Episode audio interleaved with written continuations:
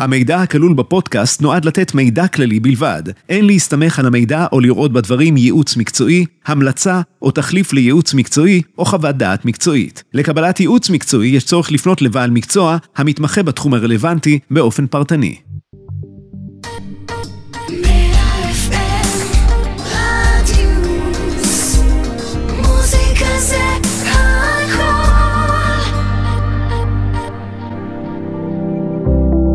פרישה בקליק, פודקאסט ייעוץ פנסיוני ומדריך לפרישה נכונה, עם ליבת קמפלר ואלי יוניאן.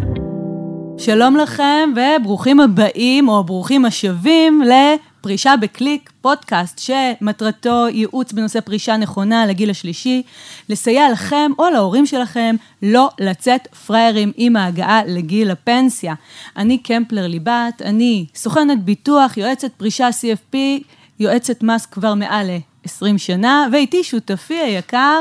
אלי יוניאן, גם סוכן ביטוח, גם מתכנן פרישה וגם מתכנן כלכלת משפחה. הייתי מנכ"ל במספר אה, סוכניות ומנהל בחברות ביטוח, ואנחנו כן, פה לרשותכם. שלום אלי, לא סתם התחברתי אליך. היי. אני שמחה מאוד שנפגשנו שוב לעוד פרק היום. בפודקאסט נדון על מקרים שרלוונטיים לכולנו, ויכולים לשנות מהותית תחילת החיים שלכם או של הוריכם בזמן הפנסיה.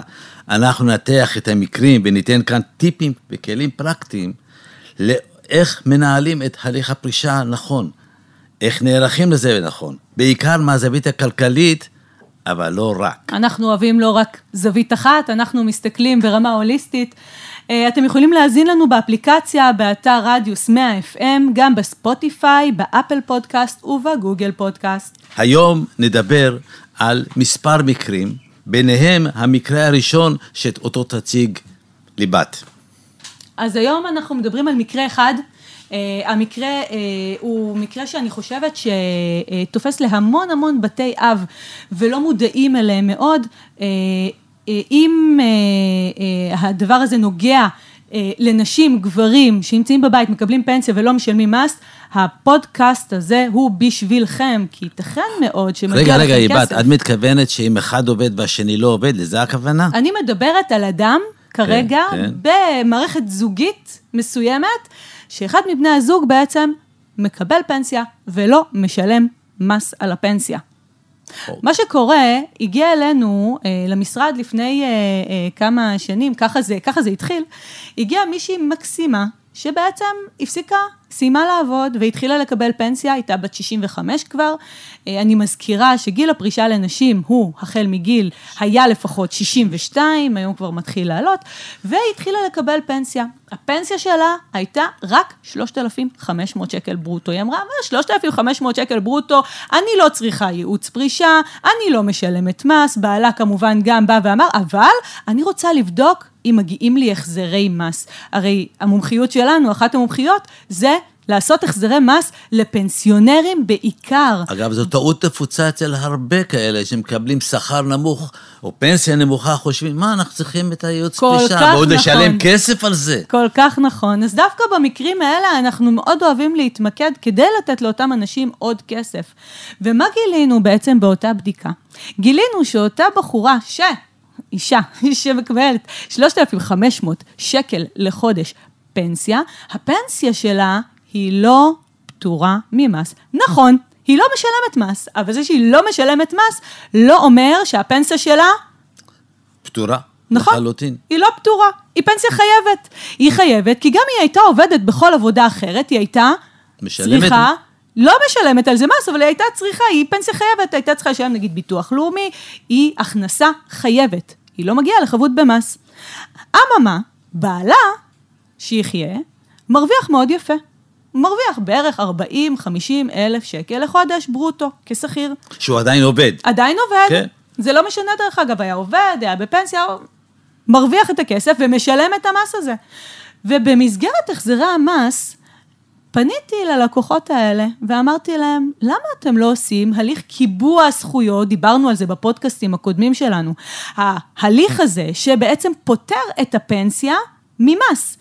באו אליי שניהם, קפצו עליי, ומה הם אמרו? אתה זוכר מה הם אמרו לי? לא, ת- תזכירי לי. את מה, את מנסה להוציא מאיתנו כסף לכל מיני הליכים? אמרתי להם, תקשיבו, אני לא מוציאה כסף. אני באה ואני אומרת, כסף זרוק על הרצפה, רק צריך להרים אותו. לא הבינו, אמרו לי, מה, מה זה? אמרתי, תקשיבו, אני לא עושה עבודה שאני יודעת שאין שכר בצידה. מה זה אומר? אם היום אני בעצם פותרת את ההכנסה, הכנסת הפנסיה של האישה, אתה בתור בן הזוג ש, שמשלם את המס, תקבל עוד נקודת זיכוי אחת, כבת זוג לא עובדת לכל שנת מס. אני רוצה להדגיש, אנחנו מדברים בשני בני זוג שחיים וגרים ביחד, ביחד. משפחתית. זאת אומרת, נכון, יש להם אנחנו לא משק מדברים בית על, על משותף. אם חד-הורית כרגע, כי זה דברים אחרים. נכון מאוד, אנחנו מדברים על בני זוג, אחד מהם מרוויח ומשלם מס, והבת זוג, אה, לפעמים זה גם הפוך, בת הזוג עובדת משלמת מס, הבן זוג מקבל פנסיה ולא משלם מס, לא זה מגיע קורה, לחבות. זה נדיר, אבל זה קורה, חברים. לא יודעת אם זה נדיר כבר, אבל זה קורה. בכל מקרה, במקרים האלה, אנחנו, ברגע שאנחנו פותרים את הפנסיה, וזה גם מה שביצענו בהליכים פה, במסגרת אותו תהליך, הם קיבלו יחד, משנת 2017 עד שנת 2021, כמעט 23 אלף שקל רק מביצוע ההליך הקטן הזה. זאת אומרת שההחזרים האלה אמורים גם להמשיך ולרוץ איתם קדימה, כי כמו שסיפרנו בפודקאסטים הקודמים, הליך קיבוע הזכויות הוא חד פעמי, בדיוק. והוא רץ איתך שנים קדימה.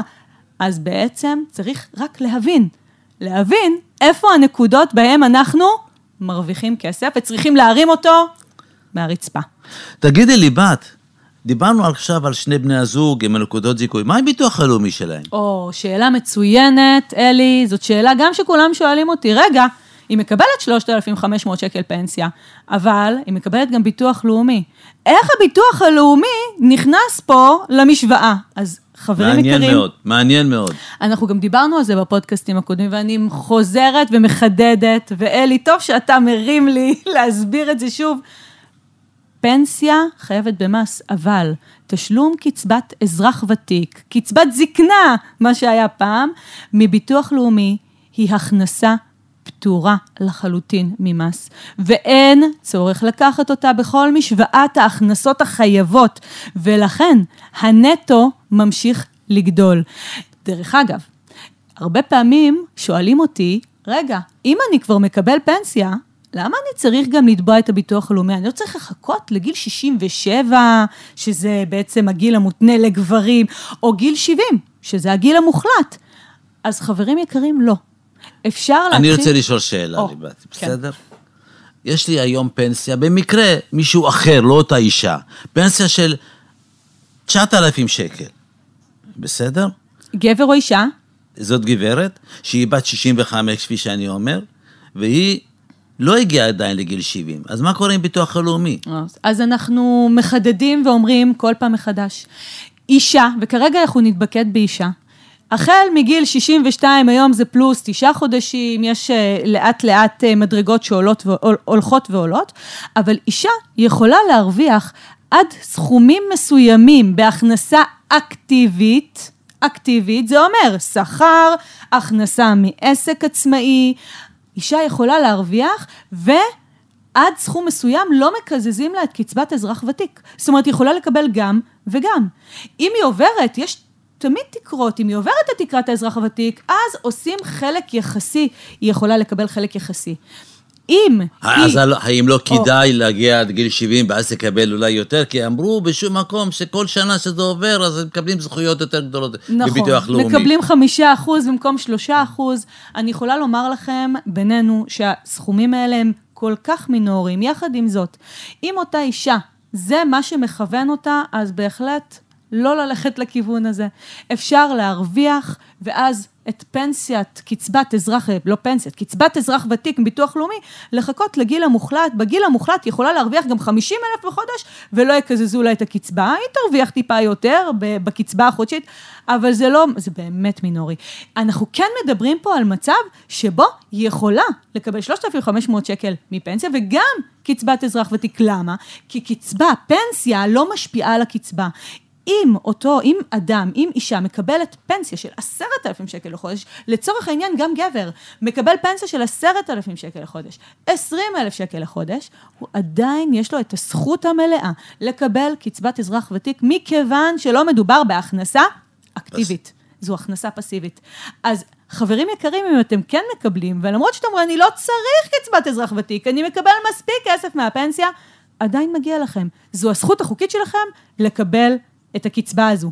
תפנו לביטוח לאומי, אני ממליצה אפילו אה, אה, למלא את הטפסים, גם אם אתם יודעים שלא מגיע לכם, פעם בשנה לפנות לביטוח הלאומי ולמלא את הטפסים של קבלת קצבת אזרח ותיק. אז תודה לך, אלי, ותודה לכם שהאזנתם לנו. אנחנו מזמינים אתכם להאזין לעוד פרקים של פרישה בקליק במגוון הפלטפורמות של רדיוס 100 FM, באפליקציה, באתר, בספוטיפיי, באפל פודקאסט ובגוגל פודקאסט. אנחנו מעדכנים בפייסבוק ובאינסטגרם של רדיוס 100 FM כשעולה פרק חדש. מוזמנים לעקוב, כדאי לכם לעקוב. תודה לצוות שלנו כאן באולפן, ו... תודה לך, ליבת. תודה לך, אלי. נשתמע בפרק הבא של פרישה בקליק. פרישה בקליק, פודקאסט ייעוץ פנסיוני ומדריך לפרישה נכונה, עם ליבת קמפלר ואלי יוניאן.